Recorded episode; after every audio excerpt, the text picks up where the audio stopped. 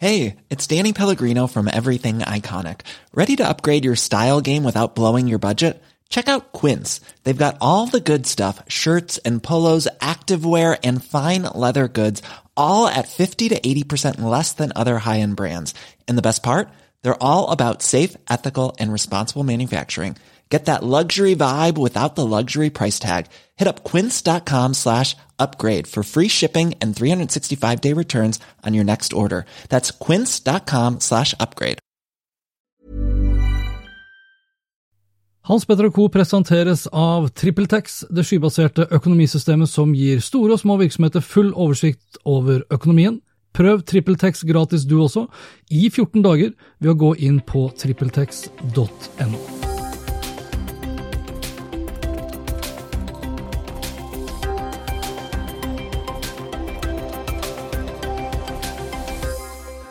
Skolen er ute av synk med samfunnet, men det er ikke lærerne sin skyld, mener Torgeir Waterhouse. Og Torgeir har mange meninger om den norske skolen, og han har ment mye lenge. Torgeir Waterhouse er heller ingen hvem som helst. Han har siden 2010 vært direktør for internett og nye medier i IKT Norge, og før det så var han seniorrådgiver for IKT og media i Forbrukerrådet, hvor han bl.a. jobbet med Napster-saken, hvis uh, dere husker det. I tillegg har han vært sterkt involvert og engasjert i initiativet Lær kidsa koding, som nettopp handler om hvordan skolebarn i dag skal lære seg mer om hvordan samfunnet henger sammen som følge av teknologi og teknologiutvikling. For kort tid siden så ble mange av oss kjent med at Torgeir Waterhouse nå har valgt å forlate IKT Norge, og det for å starte opp et eget rådgivningsselskap sammen med IKT Norge-kollega Per Øyvind Skard.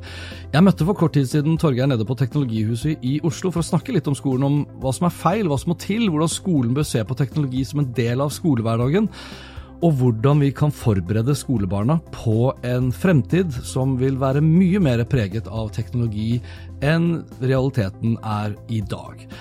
Og vi begynte med det største spørsmålet først. Hva er det som er feil med skolen? Hva er det som ikke er så bra som det burde være? Eller hva er det som mangler med den norske skolen i dag? Men først det her. God fornøyelse. Jeg tror det er stor sannsynlighet for at du som hører på vil få behov for check-in, et norsk påmeldingssystem som hjelper deg å bruke mindre tid på administrasjonen av ditt seminar eller konferanse, og mer tid på å skape det beste arrangementet. Check-in automatiserer mange av de administrative oppgavene og frigjør derfor tid, og nettopp derfor har virksomheter som Oslo Business Forum, Dagens Næringsliv, Netlife Design og Kreativt Forum fått en bedre hverdag etter at de valgte check-in.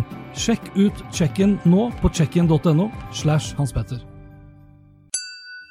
det er en mismatch mellom skolehverdagen, skolevirkeligheten, fokus og perspektiv i skolen på ene siden, og hvordan vi bruker teknologi og hvilken forståelse vi trenger for teknologi i samfunnet.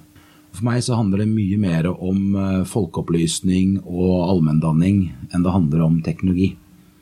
Eh, det handler om at eh, vårt samfunn er, som vi har snakket om flere ganger, basert på teknologi. Og det har det alltid vært. når du går tilbake til landbrukets start med plogen, og, og skifte fra, fra, før til etter plog, som betydde enormt mye for, for landbruket og bonden. Til, og i dag, til, til, det vi har av teknologi rundt oss, så handler det om å, å, ha forståelse for og evne til å anvende på en hensiktsmessig måte. Og det må mer inn i skolen. Og så er det lett å peke på lærerne. Det er ikke lærerne som er ansvarlige for at skolen ikke er på det nivået den burde være på det feltet her i den grad vi skal peke på noen, så er det jo selvfølgelig alltid politikerne. Men praktisk i hverdagen så er det skoleledere, skoleeiere og lærerutdanningsinstitusjoner. De må ta seg sammen, helt enkelt. Men vil ikke de si at eh, de gjør det beste de kan ut ifra de økonomiske rammene de har? Jeg, altså, jeg har jo barn på forskjellige skoler sjøl, og det eneste jeg hører, er jo at de klager over dårlig økonomi. Ja, og det kan, det kan godt hende det er helt rett at de gjør så godt de kan, ja. men det er ikke gitt at det er godt nok. og det er ikke gitt at man, og det, da kommer man til noe som alltid er veldig vanskelig uansett hvilken sektor man er i. Det å slutte å gjøre noe man alltid har gjort for å gjøre ting annerledes. Hvis ikke det er rom for å ta mer inn, men du likevel har noe nytt du må ta høyde for eller gjøre noe med, da, da må noe også ut. Ja. Så hvis man tenker seg at man skulle starte med blanke ark i dag, da, eller en blank digital flate i dag, så ville du hatt en situasjon hvor man antagelig ville bygd opp en helt annen skolehverdag. Fordi man hadde ikke startet med firkanta eller kvadratisk nærmest skrivebord, stoler på rader, rader og rekker, en tavle i en ende av rommet hvor en lærer skulle stå foran og si. Man ville gjort ting på en annen måte. Og, og sånn er det med alt. Se på Norge versus Estland f.eks. og X-Road som ligger i bunnen på hvor man tenker logikk og utvikler eh, teknologianvendelse i Estland. Satt opp med hvordan vi gjør det her. Det handler jo om når du begynner med noe. Du blir veldig prega av starten din ja. og fundamentet ditt. Og, um, og, og, igjen, som jeg sa, for meg så, det, så handler dette om en mismatch. Vi er ute av synk med samfunnet når man ser hvordan skolehverdagen ser ut. For veldig mange. Og det er masse eksempler på, kanskje mest av alt drevet av enkeltindivider som er lærere eller skoleledere, eller for den del eiere og politikere osv., på at, man, at på mye bra som foregår. Så det handler jo ikke om at, at alle er uh, ute av synk, men det handler om at vi sånn, i sum ikke er i synk. Ja. Det må vi gjøre noe med. Ja, for du, du har jo i prinsippet så har vi kanskje to områder hvor vi tenker oss teknologien. Én ting er jo selvfølgelig teknologi som fag, om det da er liksom hver kids of coding, programmering, tjenestedesign eller hva det måtte være. En annen ting er jo selvfølgelig bruk av teknologien i skolehverdagen. Ja. Og den syns jeg er preget av ganske mye sånn forbud. Uh, til dels preget av enkelte forskningsrapporter som peker i retning av at uh, et nettbrett f.eks. vil skade hjernen på livstid osv. Mm. Uh, og så er vel også skolereformen i dag preget av at den er fra 2006, hvis ikke jeg husker feil? Ja, også, uh, ja, ja, jeg husker ikke helt når, når siste sånn store skiftet var. Nå er vi, står vi midt oppi det som kalles fagfornyelsen, det skal skje mye med fagene nå. Ja. Så er det samtidig viktig å se på, se på hvordan skolen er organisert og, og rigga for endring. Det er jo en driftsorganisasjon, mm. det er ikke en utviklingsorganisasjon. og hvis du ser på din og min hverdag, så har vi tid, eller skaper oss tid til å utforske noe nytt til å finne ut av hvilke tjenester og verktøy vi bør bruke osv. Mens i skolen så er det løping, løping, løping. løping, og er, se en, Hvis du ser på skolen som en kunnskapsorganisasjon, som det definitivt burde være, og kanskje det er rett, rett å si er, mm. Så er det jo nesten ingen lederressurser, f.eks. per ansatt. Altså skolen, En skole jeg kjenner, så er det vel, hvis jeg husker rett, ca. 70 ansatte, og fire av de er ledere som skal både forholde seg til eieren sin, som skal forholde seg til alle de ansatte, og røftlig 10% av de ansatte skal skiftes ut hvert år. Som skal forholde seg til eh, noen hundre elever og tilsvarende gange et eller annet opp og få antall foreldre. Som skal forholde seg til eieren sin, som sagt, og, og, og skolene i samme skoleområde. Så det vil si sideveis, og som skal drive med utviklingsledelse, pedagogisk ledelse, faglig ledelse, eh, og, da som sagt stab inn og ut, og masse, masse sånne ting. Så det er jo ikke tid til og rom til i hverdagen. Det, der, det, der, det man trenger av fokus på utvikling. Mm. Mange får det sikkert til, mange får det ikke til. Men jeg tenker at her må vi liksom, som samfunn se litt på hva er det skolen skal være for oss. Uh, og, og, hvordan kommer vi oss til et best mulig sted. Ja. Og da er, tenker jeg at Steg én er slutt å peke på lærerne. De er, det, er, altså, det, er, ikke de som bestemmer rammefaktorene sine. Det er ikke de som tar beslutninger om eh, reformer eller lovverk eller rettigheter som elever har eller ikke har, for den del, osv det er lederne. Og, um, og da, da, er det ledere både på den enkelte skole, i kommunen, som er skoleeieren som tenker grunnskole, og for den del da høyere opp i statssystemet. Der må det skje noe. Og man må ta på alvor som, uh, hvordan samfunnet har utvikla seg. Og ser vi på, uh, Du nevnte forskningsrapporter, det er jo masse debatter. Akkurat nå er det mye debatt om bruk av iPad i skolen masse hvit, øvre hvit middelklasse, kulturelt kapitalorienterte folk som, som mener noe høylytt og er opptatt av hvilke titler de selv har i yrkeslivet når de skriver kronikker. Jeg blir kvalm som faen. og, eh, og som, som noen, noen, peker jo på reelle problemstillinger, andre er bare sånn teknologifiendtlige og jeg skulle ønske verden var mer økologisk og gå faen og kos med tre i skogen. Nyt det, men ta samtidig på alvor at teknologi er en del av vårt samfunn. Det har det alltid vært. De der papirbøkene som ungene har på skolen, det er også teknologi. Anvendt teknologi. Og det, er sånn, det finnes ikke noe sånn naturlig skille i verden at akkurat da stopper alt å være bra, og det som kommer etterpå, er bare dårlig. Nei. Jeg hadde for øvrig minne om en, en musikklærer jeg hadde en gang, som påsto at all musikk laget etter 1950 var kommersiell Donald-musikk. Altså og jeg ser dette overalt hele tida. Og eh, ja, det er et problem hvis unger sitter stille hele tiden. Ja, det er et problem hvis de sitter og stirrer på en skjerm hele tiden. Men det er ikke det det skal handle om. Det skal handle om hvordan anvender vi det vi har i skolen på best mulig måte. Enten det er krittavle eller stol eller skolegård eller ball eller iPad eller noe annet. Ja. Det er dit, der vi må være. Vi må diskutere pedagogikk, vi må diskutere fag.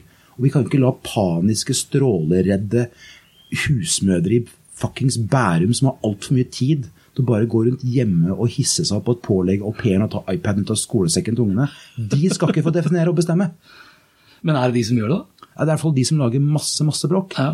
Og, og dessverre så Men er det har de liksom definisjonsmakten såpass, eh, såpass kraftig at det liksom stagger egentlig da den utviklingen vi burde sett i skolen? Tenk, tenker du Ja, jeg, tror, jeg vil ikke si at de alene gjør det, men, eh, men de er med å påvirke den offentlige debatten i stor grad. Fordi de har tid til det, fordi de har uh, språk til det, og osv. Og, og, um, og hvis du snur rundt på det, da uh, Når de er bekymra, som jeg har sett flere har vært, da, og jeg hører, hører sånn drypp fra foreldremøter nå sitter jeg på foreldremøte, her er det noen som sier sånn og sånn osv. Ser kronikker, ser Facebook-poster osv. Så, videre. så er ett perspektiv man kan ta, velge å ha, er at okay, så hvis du er bekymret for at dine barn sitter og ser for mye på en skjerm, ta bort den skjermen som foregår, skjermbruken som er på fritida. Ikke ta det fra de som er på skolen, som skal lære. Nei. Hva med de elevene som er der, som ikke har hjemme? Som ikke har foreldre som har tid til å ha, hente inn, eller penger til å hente inn flere au pairer som kan passe på at de gjør de riktige kulturkapitaltingene hver dag, osv. Ja, jeg ser ofte, jeg ser ofte de begynner å blande liksom inn denne skjermtiden på privat med skole.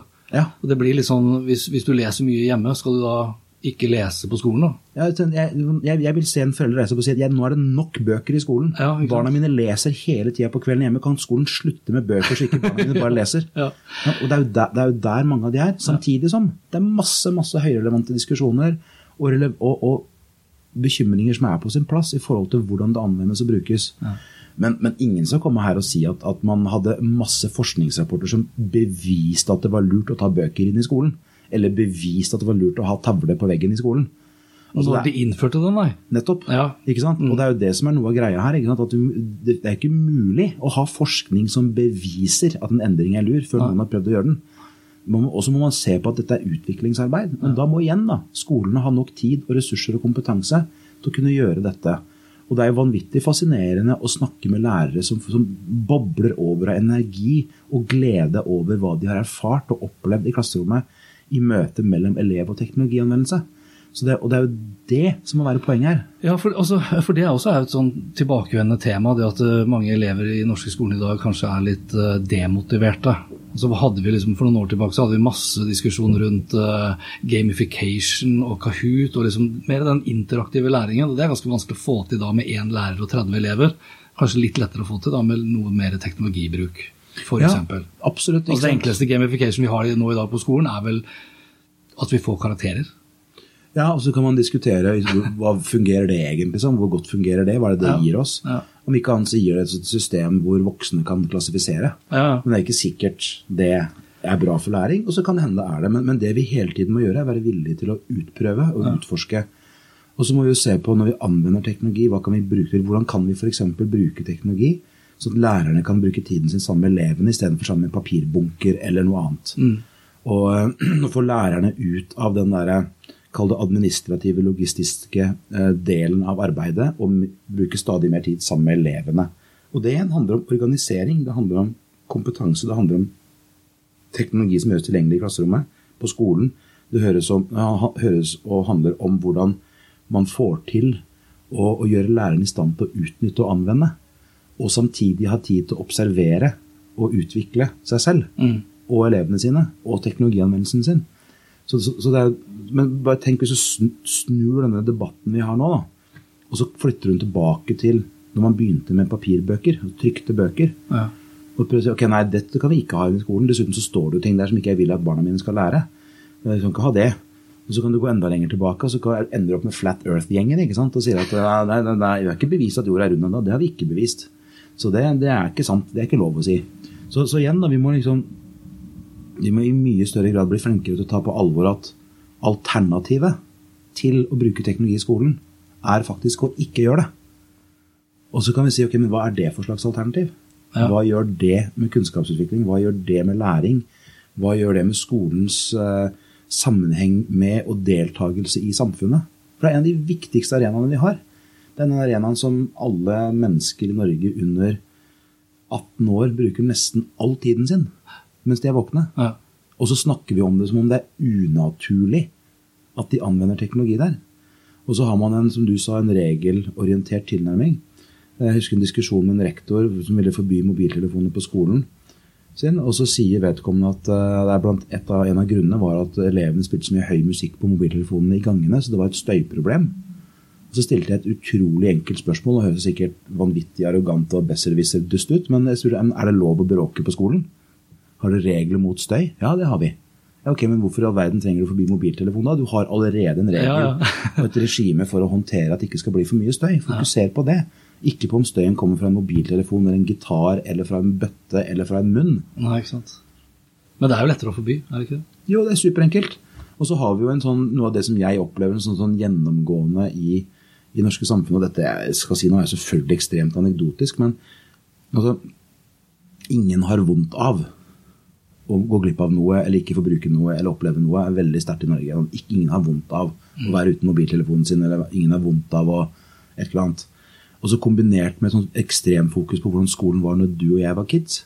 For referansen til alle voksne, de aller fleste voksne som deltar i samfunnsdebatten om skolen, er jo en kombinasjon av hva de selv mener å huske, og det lille de ser via egne barn av hva skolen er. Og så er man skråsikre på at dette kan jeg bedre enn de, og dette kan jeg best, osv. Og så har du også, det er litt viktig å ha med i det, du har jo, eh, jeg syns jo det er fascinerende å oppleve hvordan utdanningssektoren, og tenker jeg særlig, altså egentlig hele kjeden, hvor dårlig utdanningssektoren, som driver med kommunikasjon og pedagogikk og tilrettelagt undervisning, er til å kommunisere. Det er utrolig mye dårlig kommunikasjon. Vanskelig å forstå. Og er jeg som har utdanning, som er vant til å jobbe med informasjon, som er vant til å motta informasjon og tilegne meg informasjon og kunnskap hele tiden, mm. syns det er, ofte er vanskelig å forstå hva er det skolen prøver å si her. Hvordan er det da for de som ikke kjenner skolen, som ikke kan norsk så godt, som ikke er vant til å lese, som kanskje har dysleksi, som har masse andre greier. Ja, så det å på en måte å, Kom igjen, da! Vi kan få til en bedre skole sammen, men det er ikke lærerens skyld. Nei. Utrolig viktig for meg å understreke og understreke. Ja, det har du sagt mange ganger. Ja. og jeg er helt enig med deg. De har jo ikke forutsetningene, og ikke skal de ha det heller, til å liksom bestemme hvordan skolen skal se ut. Men hvis vi, hvis vi, ser, hvis vi skiller da mellom barneskolen, ungdomsskolen, nå heter det vel ikke gymnaset, det heter bare videregående, og så begynner man på universitets- og høyskolenivå. Hvor tidligere tenker du liksom at teknologi bør være liksom en sånn allmenn integrert del av en skolehverdag? Og da tenker jeg ikke fag som sådan, men Vi snur på det. Hvor tidlig tenker du at kunnskap, gulv, vegger, lærere skal være en integrert del av skolehverdagen? Jeg tenker jo at det burde være en integrert del av skolen ganske tidlig. Om, ja, det er jo, vi har jo teknologi rundt oss. Skolen har alltid vært full av teknologi. Ja. Det vi snakker om nå, er den nyeste teknologien. Ja, ja. Og som, som, representerer et veldig synlig som skal skifte. le, altså jeg tenker også det skal, I en hverdag da, som, som er preget av, av stadige endringer. og Uansett om det er en klisjé eller ikke, ting endres litt raskere nå i dag enn det gjorde kanskje da for 40-50 år siden. Utvilsomt. Mm. Så er jo, så er jo liksom forfallet på bøkene sånn rent fysisk er jo én ting, men forfallet i innholdet er jo en annen ting. Og det skalerer jo ikke, det har vi jo sett, det ser vi hvert eneste år, det skalerer jo ikke den måten å videreformidle kunnskap gjennom bøker som da er trygt. Mm. Oppimot da å tilrettelegge det for et sånn, hva heter det nå, eh, kontinuerlig læring. Mm. Og stadige endringer på en sånn digital plattform. Ja, og I tillegg til det så har du også eh, ikke bare at, at det skal være oppdatert og relevant og riktig osv., men det skal også være tilpassa. Ja. Så, så i dag så er det jo, når du og jeg gikk på barneskolen, så var boka det den var. Og hvis vi var heldige, så var den nyere enn ti år. Ja. Og hvis vi var heldige, så var den, slapp vi å teipe den sammen første skoledag. ja. Så fram til i dag, hvor det er mulig å gi deg og meg helt forskjellig innhold, basert på hvor vi står ja. jeg kan ha, når jeg begynte på barneskolen i Norge, så kunne jeg ikke norsk. Jeg snakka bare engelsk. Og jeg satt med de samme bøkene som de andre i klassen min. I tredje klasse så begynte vi med engelskundervisning. Og jeg satt igjen med de samme engelskbøkene, selv om jeg antagelig var bedre enn alle på skolen i engelsk. Ja. Inklusiv lærerne, kanskje til og med til sammen. ja. Ja, så, så, men, øh, og i dag så kunne man håndtert det veldig enkelt. For at jeg fikk noe annet. At vi kunne sitte med hver vår device som vi leste fra, eller skrev på, eller søkte informasjon på.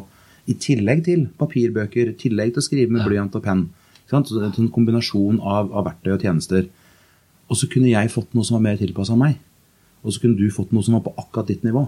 Så ser vi på Kikora, en sånn norsk matteverktøy, sånn adaptivt matteverktøy som brukes i skolen. Hvis jeg husker tallene riktig her, så, så er det sånn at det er sånn 235 millioner oppgaver eller noe sånt som er løst av norske elever i Kikora de siste åtte-ni årene.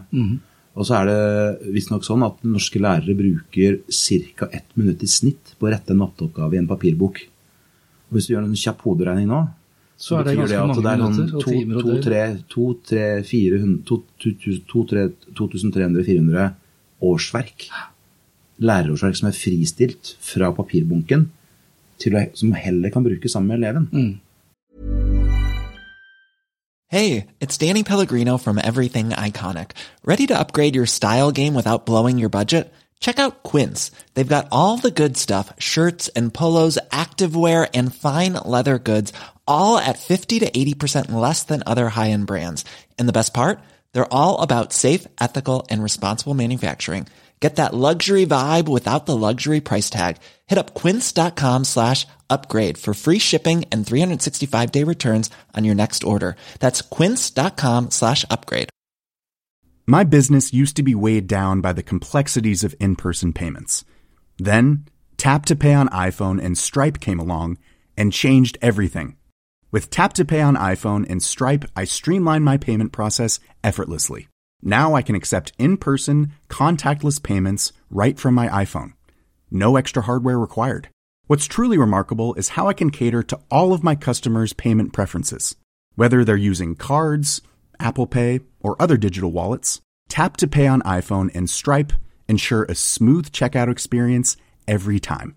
And it's not just me. Stripe helps businesses of all sizes, from local markets to global retailers, scale quickly and stay agile. To learn how Tap to Pay on iPhone and Stripe can help grow your revenue and reach, visit stripe.com slash tap iPhone. I tillegg så får hver enkelt elev tilpasse oppgaver. Så da blir det spørsmål hvordan utnytter vi dette til det beste? Og ikke sånn at vi på døde liv skal bruke teknologi til alt. Eller bruke iPader til alt, eller bruke laptoper eller smartboards eller hva det måtte være. Men vi skal bruke de verktøyene som gir best muligheter, best forutsetninger. Og så må vi tåle at vi også i perioder, sånn som vi er i nå f.eks., utforsker og gjør erfaringer med noe vi ikke har gjort før. Ja. Er ikke det også en smart måte å tenke sånn eh, skalerbarhet også? Altså For det er jo en økende grad av læremangel. Så ved å tenke liksom, eh, teknologi integrert som en del av læringen, så kan man også da fri, det, frigjøre seg fra de fysiske begrensningene som ligger i læreren står bak kateteret, i den grad man bruker det begrepet lenger. Ja, altså Man kan tenke flipped classroom, ikke sant? Man kan tenke avstand, man kan tenke gjenbruk. Det er masse man kan gjøre. Og nettopp det, hvordan kan man få utnytta best mulig den teknologien vi har, den kunnskapen vi har, de fysiske arealene vi har, Ja. Eh, elevmassen vi har, lærerstaben vi har, forskjellene mellom de forskjellige lærerne og fagene og elevene, og for den del oss som foreldre, alle mulige andre faggrupper i samfunnet, og gjøre det bedre. Og så er det veldig viktig å si, syns jeg, at det, det er så lett at det alltid ender opp med enten å være eller høres ut som at vi nok en gang snakker ned skolen eller er kritikk av skolen osv. Jeg er veldig opptatt av at, at vi må klare å holde fokus på hvordan bli bedre. Hvordan få til bedre, og vi må kunne snakke om at noe kan være bedre uten at det skal tas som en kritikk av eller et angrep på de som holder på med det i dag. Og, og det er igjen også noe av det som er viktig. Nettopp det, hvordan få ut å bli bedre. Og så ser vi i Norge at vi jevnlig scorer høyt på forskjellige digitaliseringsrankinger rundt i verden, og det er kaker på kontoret i et eller annet departement, og det er avisoverskrifter, og folk må, må uttale seg til pressen, og det er og så videre, ikke sant? Jeg tenker at det er mye viktigere å se på vårt eget potensial når vi vurderer ikke om vi er bedre enn et land på en eller annen ranking som ikke har de samme forutsetningene for oss for å være på en ranking. Kanskje det er mye bedre at det landet som ligger på syvendeplass, ligger der, enn at vi ligger på førsteplass. Det er antagelig en mye større prestasjon, det. Ja. Ja, vi liker jo gjerne å score oss mot uh, våre naboland, da. Og Ja. etter, hva jeg, etter hva jeg har lest meg litt sånn oppå, så altså Finland er liksom the usual suspect som alltid dukker opp. Uh, Men Danmark også gjør ganske store endringer om dagen innenfor skolesektoren, gjør det ikke det? Jo, og det foregår masse mange steder. Og så er det litt sånn at det, det, vi skal også være litt sånn forsiktige med å tenke at det ikke skjer noe her. Det skjer masse her. Ja. Um, fordi det som gjerne også skjer, i hvert fall sånn som jeg opplever også mennesker, og ikke bare deg og meg, men, men alle som hører på, og alle andre der ute, er jo at man har en tendens til å se på det bra man syns noen andre gjør, og så sammenligner man med at noe man selv ikke gjør. Så det er også det å klare å se det. Og så tenker jeg at En av utfordringene vi har i Norge, er jo skolestrukturen. Så Hvor du har kommunene som er eiere, og du har en, en stat som egentlig er litt sånn hands off og lener seg bak og sier nei, dette er skoleeiernes ansvar, og vi skal ikke blande oss i hva som foregår der. og sånn. Men samtidig så er vi jo enige om at vi skal ha et likt skoletilbud i Norge. Alle har krav på en god skole. Det står til og med i utdannings- eller opplæringslova at skolen skal åpne øyne og vinduer og dører mot verden og fremtiden, eller noe sånt. Så det er Opplæringsloven er fantastisk å lese. Du bør lese særlig, sånn, særlig paragraf 1. Okay. Formålsparagrafen er helt nydelig. og, og man tenker at Hvordan kommer vi oss dit? Hvordan passer vi på at, at det barnet som, som bor nærmest her hvor vi sitter og går på, går på den skolen han eller hun går på, har de samme mulighetene som andre barn? Hvordan passer vi på det? Hvordan, hvordan, hvordan sikrer vi at det ikke er kommunale tilfeldigheter eller adressen din eller noe annet som gjør at du blir stående utafor i praksis? Ja, ja. Jo, men Er det ikke litt sånn i dag? Altså, Når du sier likhetsskolen, som er liksom det grunnleggende prinsippet, og mye av diskusjonene rundt iPad nå den siste tiden, det har jo handlet da om enkelte skoler. Du nevnte Bærum i stad, med negativt fortegn for, for øvrig. Men der har du jo flere skoler som utelukker Bærum prøver masse bra, men Ja. jeg, jeg, var, jeg var fokusert på de der en, foreldrene som støyer til. Ja, ja, ja, ja. jeg skjønner. Altså, men tilbake til Bærum. Der kjører, Jeg har flere venner som bor der ute, som da kjører barna med iPad fra første skoledag. Eh, og så har jeg mine egne barn eh, som går på Midtstuen ungdomsskole nå, for, eh, begynte der nå i år. Og der er først og fremst rektor veldig glad for at de endelig har fått til én datamaskin per elev. Og så har de fått da inn også da programmering som valgfag. Og det er kjempebra. Ja, ja. Men jeg syns det er fortsatt litt for kort nå i 2019. Altså At man som en rektor er fornøyd, så handler jo det mest av alt om at økonomien har vært så dårlig. Eh? Man, man, har, man har ikke kommet lenger enn at man er fornøyd at skolen har råd til en datamaskin. Ja, og, og der tenker jeg at det, det er også viktig å se ting i perspektiv. For det er klart at uh, uten, Jeg kjenner ikke den skolen i det hele tatt. Men Nei, jeg snakker ikke ned den skolen, men jeg tenker Nei. mine barn nå, oppimot de andre barna i, i, i Bærum, da, de får jo helt andre forutsetninger for hvordan de tar til seg læring. Ja, og, de har, og det som jo er med den type utvikling, er at du bygger jo hele tiden på det du har gjort. Ja. Så du får vel, En ting er at du kan ha en forskjell nå, men du kan også over tid få et stadig voksende gap. Ja. Og um, samtidig som og igjen, og det er din, Mange av de som stiller krigsspørsmål, spørsmål, har jo rett i at det, en del ting vi gjør nå, er å eksperimentere. Ja. Sånn at uh, Man kan jo også tenke at ok, nå har vi holdt på med det her i tre år, det viser at vi skulle ikke gjort det sånn, vi skulle på en annen måte. Og så kan det ha vært en ulempe for enkeltelever med noe, kanskje. Men sånn har det også alltid vært. Så det at det kanskje er en ulempe for noen elever at man bruker iPad nå, er jo ikke nødvendigvis noe annerledes enn at det har en ulempe for andre elever at man skal sitte stille i 45 minutter eh, mange ganger hver dag. Eller skal sitte og lese eller regne. Ja. Så det er jo ikke noe nytt det at man gjør ting i skolen som ikke passer for alle. Nei. Og da er vi liksom igjen tilbake til at liksom, vi kan, ikke ha, vi kan ikke være mot alt det som er nytt bare fordi vi ikke er kjent med det selv, eller fordi vi kan finne en ulempe. Det er ulemper uansett hvordan vi velger å organisere, uansett hva vi velger å ta i bruk. Ja. Og så må vi høre mer på de, de lærerne som faktisk får til masse bra. Nå har ikke jeg fått, uh, fått sett på debatten fra denne uka her ennå, men med Simen Spurkland var det en fantastisk lærer. Han som er vanvittig god på å anvende teknologi, på å se menneskene og få dette til å fungere og henge sammen. Og det er der vi må være. Tenk bare på, på hva det kan gjøre med kommunikasjon mellom skole og hjem, elev og lærer, elev og elev osv. Hvis man får, får disse plattformene til å fungere. Hvis man Ja. får til det som i dag kalles LMS, altså It's Learning og tilsvarende, hvis man får det til å virkelig gli godt. Hvor mye frustrasjon man tar bort, hvor mye friksjon man tar, kan ta bort, hvor mye tidsbruk som bare går til administrasjon og logistikk man Ja. kan ta bort, osv. Ja, du, nevnte jo, du nevnte jo engelsk. Jeg husker eh, Da gikk jo barna på, på barneskolen, så var det flere av foreldrene da, uten å snakke noe negativt om foreldrene, men de var, de var eh, interessert i og opptatt av at elevene ikke bare skulle lære å skrive engelsk, eh, men også da snakke engelsk, og påpekte at elevene får for liten tid i klasserommet til å snakke engelsk. Og så fortalte jeg da at eh, liksom, jeg vil anbefale å få barna til å game litt mer online. For da lærer de ganske raskt å, å snakke engelsk med hverandre globalt. Med supervision. Du må følge med på hva de holder på med. Ja, ja. Det var ikke mange som syntes det var en god idé. Helt til jeg da la fram en rapport som var faktisk da publisert på, nrk.no, som viste klart og tydelig at det er nettopp det som skjer. De? Og det er ikke eksperimentering engang. Det- er vi ser at den, den funker. erfaringen er Ja, der. Ja. Sønnen min har lært engelsk eh, på to måter, mest av alt, som han sjøl sier, ikke på skolen, men gjennom YouTube og online gaming. Mm. Det ville jo vært naturlig å kunne dratt inn de erfaringene faktisk da, inne i skolen, men jeg opplever fortsatt at motstanden er større enn viljen til, som du også var inne på, å eksperimentere litt. Og så skal man være klar over at, eh, at det er også litt sånn rolle her. Du og jeg sa helt sikkert når vi var, skoleunger at eh, vi har ikke lært noe på skolen, dette har jeg lært selv. Ja, ja. Ja, det, det har jo barn alltid sagt og gjort, ikke sant. Og det er jo eh, og, det, det, Ja da, det er jo så ikke svart-hvitt. Det er som du sa det er ikke enten-eller, det er begge deler. Ja. Og, og det som er noe Jeg bare klipper vekk. ja, Det er det fine med tech. Yes. Nei, og Noe av det viktige i dette perspektivet her er jo også det at skolens rolle er ikke nødvendigvis alltid å være den som bidrar med kunnskapen sånn ene og alene og isolert sett, men det er jo også å være en moderator, å være en veileder, å være den som kan forvalte noen verdier. Fordi Når du snakker om at din sønn har lært mye engelsk for å spille, så er det ikke sikkert at du har lært akkurat den engelsken både du og samfunnet vil han skal lære.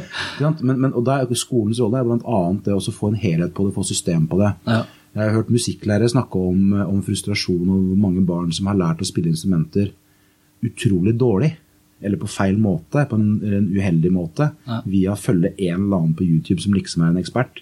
Og så må de først begynne å avlære dem alle uvanene, og mm. så lære det skikkelig. Det er, det, er sånn som, det er, sånn som, vi lærte eh, når vi skulle lære touch-metoden. Ja. Så kunne jeg, jeg, kunne, jeg, hadde holdt på med dataprogrammering ganske lenge, så jeg kunne jo skrive raskere uten touch-metoden, men det var fortsatt feil. Ja.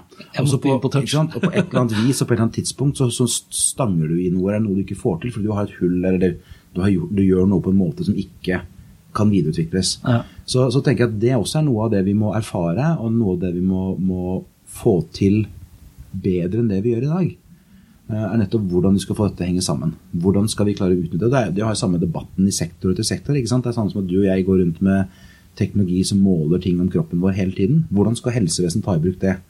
Hvordan skal skolen klare å utnytte at, eh, som du var inne på, at mange av ungene kan masse om, om kultur, teknologi, som ikke er i skolen, ja. men som kan bidra. Med språk. Eh, samtidig som man passer på at man klarer å kurere det riktig. da. Altså, eh, jeg tenker med gru på hvor mange kroppsøvingstimer i Norge som blir til fotball, for det er så enkelt. For de fleste spiller fotball og kan det. Så jeg bare setter dem med fotball, men, men, det er jo ikke derfor de er på skolen. Ja. Og det er jo ikke alle ungene som vil det. Så, så det er også noe av utfordringen her. Eh, det er samme som jeg blir frustrert over når vi ser, Jeg jobber mye med å få barn til å programmere, som vi forstått har snakket mye om. Ja. Også, ikke sant? Og så ser jeg at en del av de tiltakene initiativene som er retta mot jenter, blir ekstremt rosa. Som om alle jenter digger rosa. Altså det, jeg, I mitt hode så ser jeg det er jo like stereotypt som å si at programmering er for gutter. At alle jenter skal liksom, like programmering på akkurat den måten. Så da tenker jeg at Noe av det fine med teknologi nå, blir, som vi har nå tilgjengelig, er at det blir stadig lettere å la hvert enkelt barns preferanser, behov fargele osv. fargelegge hvordan vi jobber. Hva de møter, hva de eksponeres for, hvordan de følges opp osv. Sånn avslutningsvis, I og med at du nå er på vei ut av IKT Norge, og du har jo brent for det her ganske mange år, hva du skal gjøre da med Skal du jobbe liksom med inn mot helse... Nei, helse, skal du da jobbe inn mot skolesektoren og utdanningssektoren som sådan, nå som du forlater IKT? Kan du si noe om det? Ja, det, det vet jeg jo ikke. Nei, okay. Men jeg skal jobbe med teknologi. Jeg skal jobbe med teknologianvendelse og, og ja, jobbe med mennesker som har lyst til å jobbe med mer med teknologi. Ja. Og om det er i utdanningssektoren, så er det superfint. Jeg, kommer til å, jeg skal jobbe med Lær Kids og koding. Vi skal ta Lær Kids og koding til nye høyder og fortsette og fortsette, og fortsette å utvikle. Vi har et nytt program på gang som vi kaller Er du sikker?, som handler om dualiteten for, for barn og unge. Det handler om dualiteten med teknisk, praktisk sikring av utstyr. Ja. Og er du sikker på at du skal gjøre akkurat det? Altså sånn holdninger og verdier og hvordan vi kommuniserer og behandler hverandre digitalt. Uten floskler. Uten moralske pekefingre. Men faktisk bare lære de hva de kan og ikke kan, og burde og ikke burde. Og, du skal ikke inn som noen sånn spesialrådgiver mot uh, utdanningsministeren og litt sånt, eller?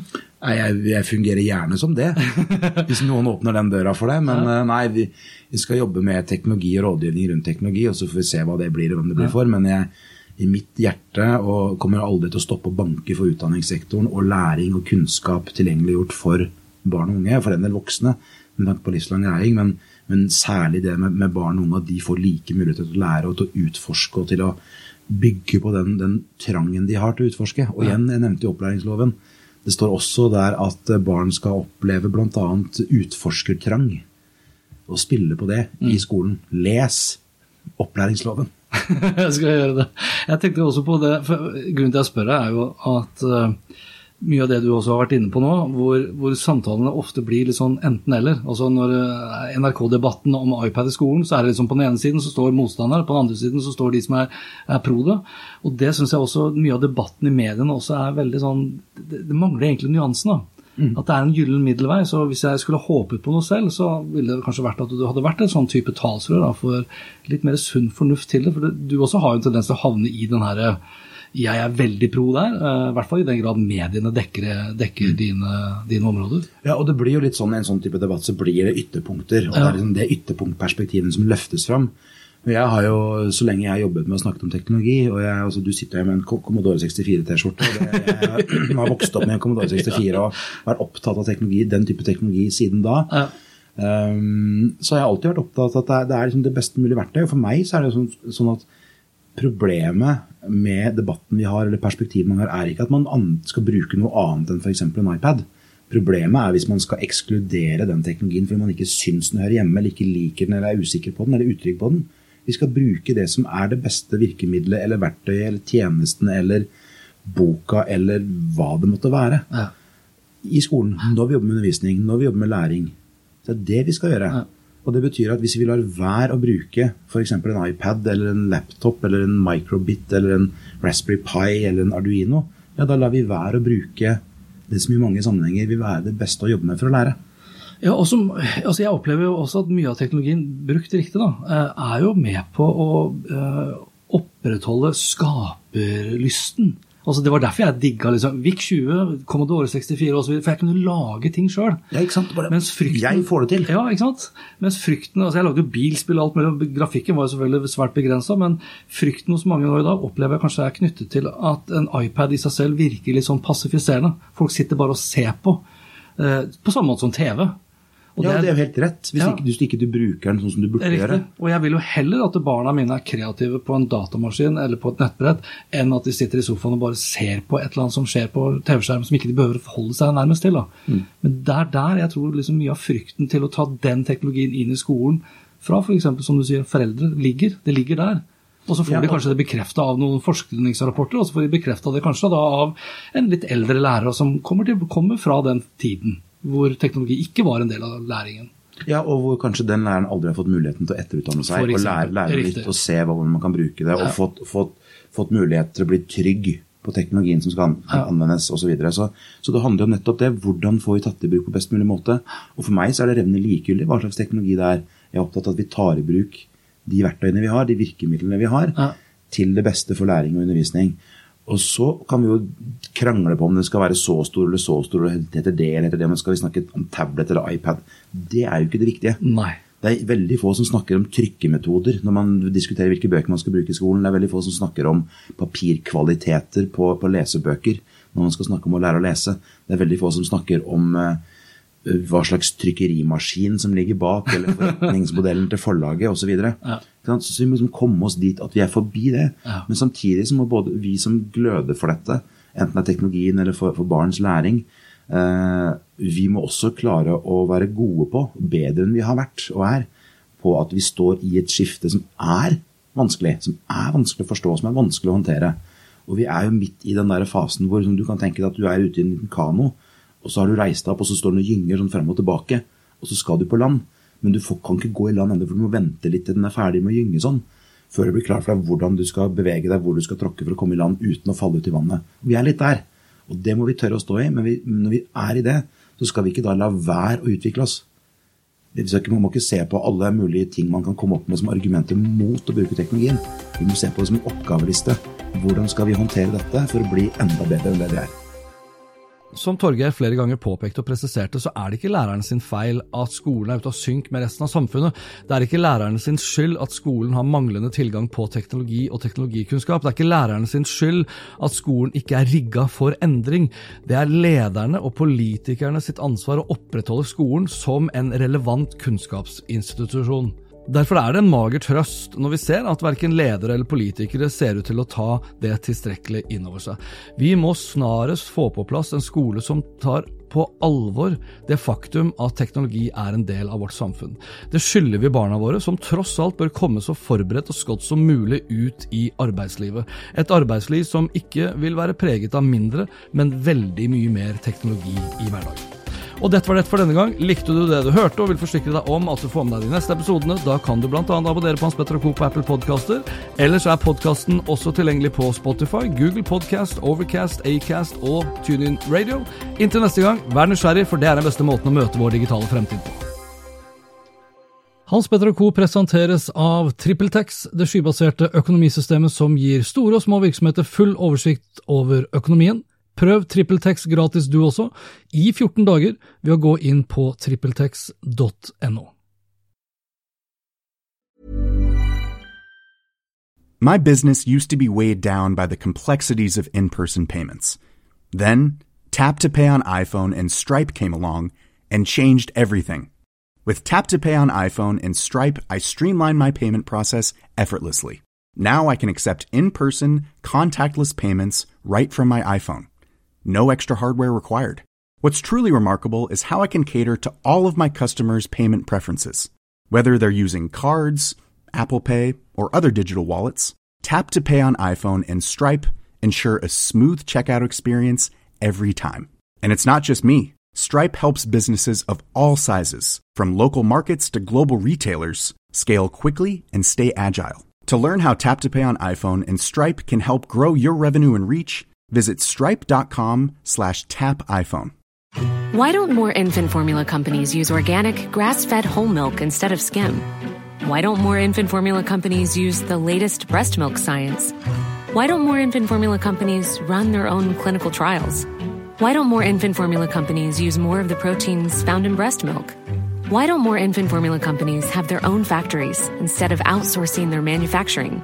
We wondered the same thing. So we made ByHeart, a better formula for formula. Learn more at byheart.com.